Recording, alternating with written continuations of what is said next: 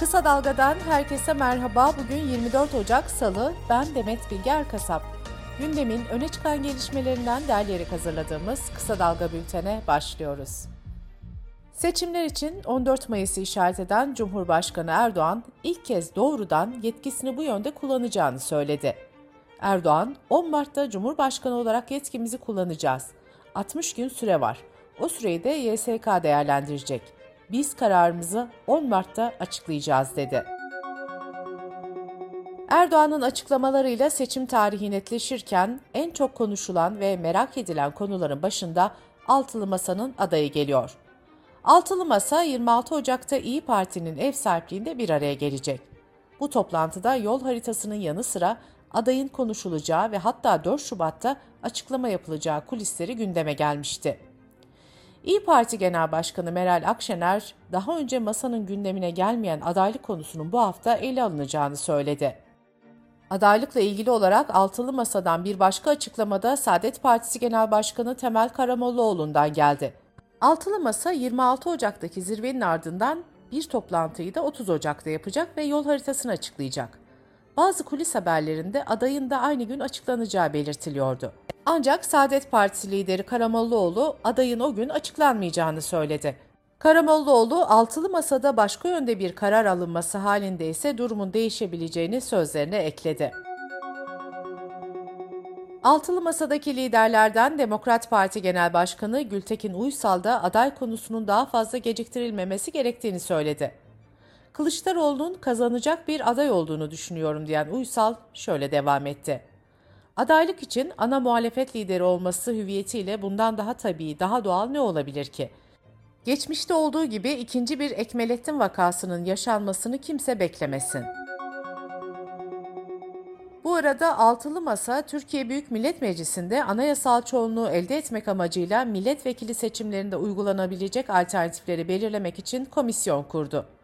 Komisyon, ittifak yapılması gereken il ve seçim bölgeleri, seçime ortak listeyle girilecek veya girilmeyecek yerleri, partilerin tek başına ya da ikili ve üçlü ittifaklarla seçime gireceği il ve bölgeleri belirleyecek. Komisyonun hazırlayacağı rapor genel başkanlara sunulacak. Anayasa Mahkemesi'nin HDP'nin kapatma davasında karar seçimden sonra verilsin talebini yarın karara bağlaması bekleniyor. HDP eş genel başkanı Mithat Sancar, partilerle ilgili kapatma davasının seçim sonrasına bırakılması için Anayasa Mahkemesi'ne başvurmuştu. Yüksek Mahkemede görülen bir kapatma davasında ilk kez böyle bir başvuru yapıldığı belirtildi. Milli Eğitim Bakanı Mahmut Özer, İçişleri Bakanlığı ile birlikte bağımlılıkla mücadele için seferberlik başlattıklarını söyledi. Bu yıl öğretmen atamasında rehber öğretmenlere öncelik verileceğini söyleyen Bakan Özer, her okulda en az bir tane rehber öğretmen olacağını belirtti. Konya'da Büyükşehir Belediyesi'ne bağlı barınakta bir köpeğin kürekle öldürülmesine ilişkin davada iki sanığa bir yıl üçer ay hapis cezası verilmiş, hükmün açıklanması geriye bırakılmıştı. Konya Cumhuriyet Başsavcılığı sanıklara verilen cezanın daha fazla olması gerektiğini belirterek karara itiraz etti. Öte yandan Manisa'nın Sarıgöl ilçesinde Hayvanları, Çevreyi ve Doğayı Koruma Derneği'nde horoz dövüşü yapıldığı ihbar üzerine baskın yapıldı. 135 kişiye toplam 547.425 lira idari para cezası kesildi. Kısa Dalga Bülten'de sırada ekonomi haberleri var. Birleşik Kamu İş Konfederasyonu Ocak ayı açlık yoksulluk araştırmasının sonuçlarını yayınladı. Araştırmaya göre 4 kişilik bir ailenin açlık sınırı bir önceki aya göre arttı ve 9796 lira oldu. Yoksulluk sınırı ise 26.994 liraya çıktı. Yoksulluk sınırında son bir yıllık dönemdeki artış 11.982 lira oldu. Türkiye'de asgari ücret 8.506 lira. Tüketici Güven Endeksi bir önceki aya göre %4.6 oranında arttı ve 2023 yılına 79.1 düzeyinden başladı. Geçtiğimiz yılın aynı dönemine göre %8 oranında artış kaydedildi. Bu aynı zamanda 2021 yılı Eylül ayından bu yana görülen en yüksek seviyede karşılık geliyor. Tüketici Güven Endeksinde 100 iyimser durumu, 100'ün altı ise kötümser durumu gösteriyor. Türkiye İstatistik Kurumu 2022 yılının 3. çeyreği ile ilgili hane halkı yurt içi turizm verilerini açıkladı. Buna göre geçen yılın 3. çeyreğinde yurt içinde 19 milyon 156 bin kişi seyahat etti. Temmuz-Eylül 2022 döneminde yakınlarını ziyaret amacıyla yapılan seyahatler %53 ile ilk sırada yer aldı. Bu dönemde seyahate çıkanlar en çok arkadaş ve akraba evinde kaldı.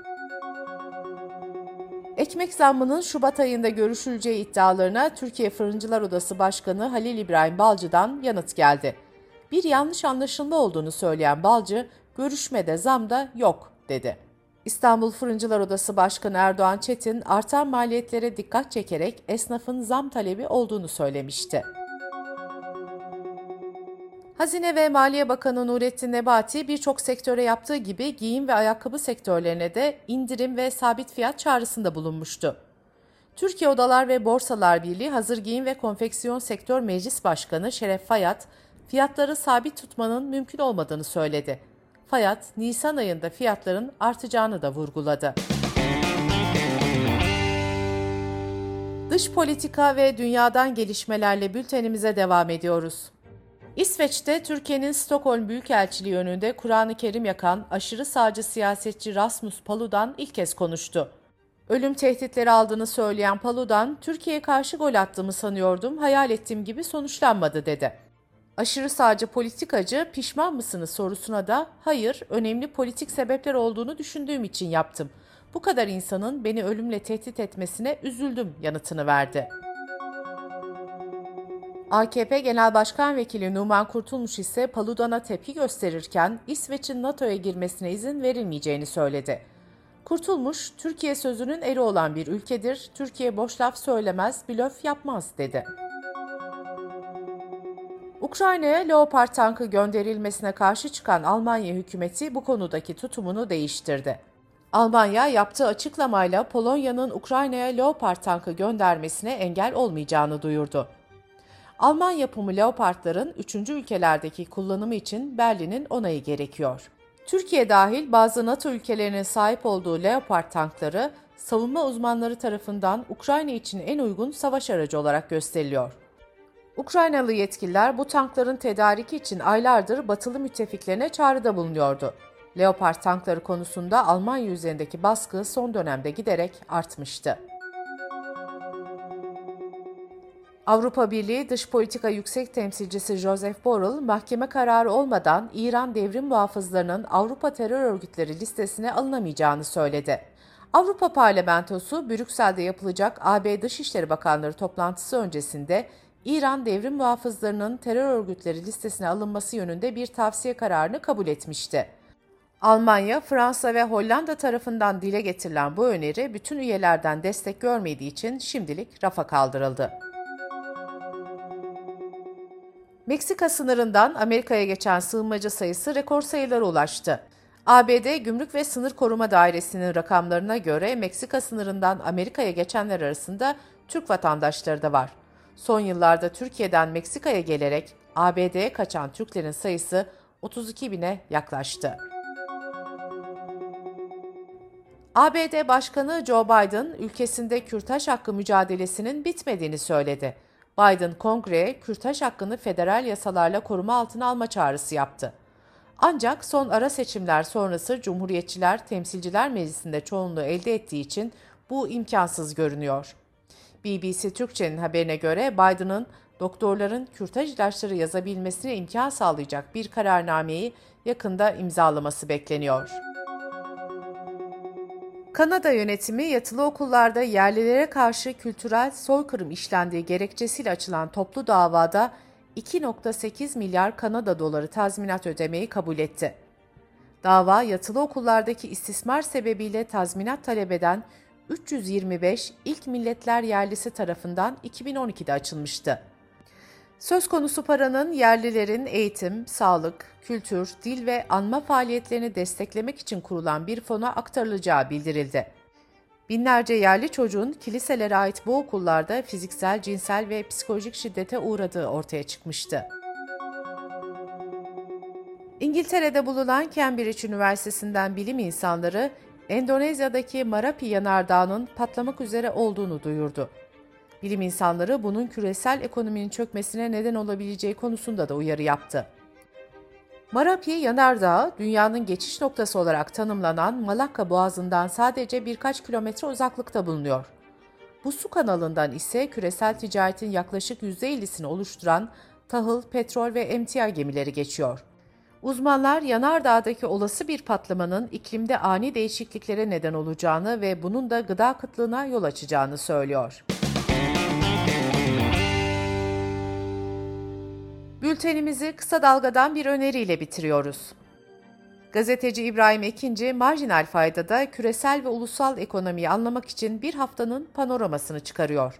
Bu haftanın konuları vergi affı beklentisi, konut fiyatlarındaki son durum ve hükümetin faiz politikası. Marjinal faydayı kısa dalga.net adresimizden ve podcast platformlarından dinleyebilirsiniz. Gözünüz kulağınız bizde olsun. Kısa Dalga Medya.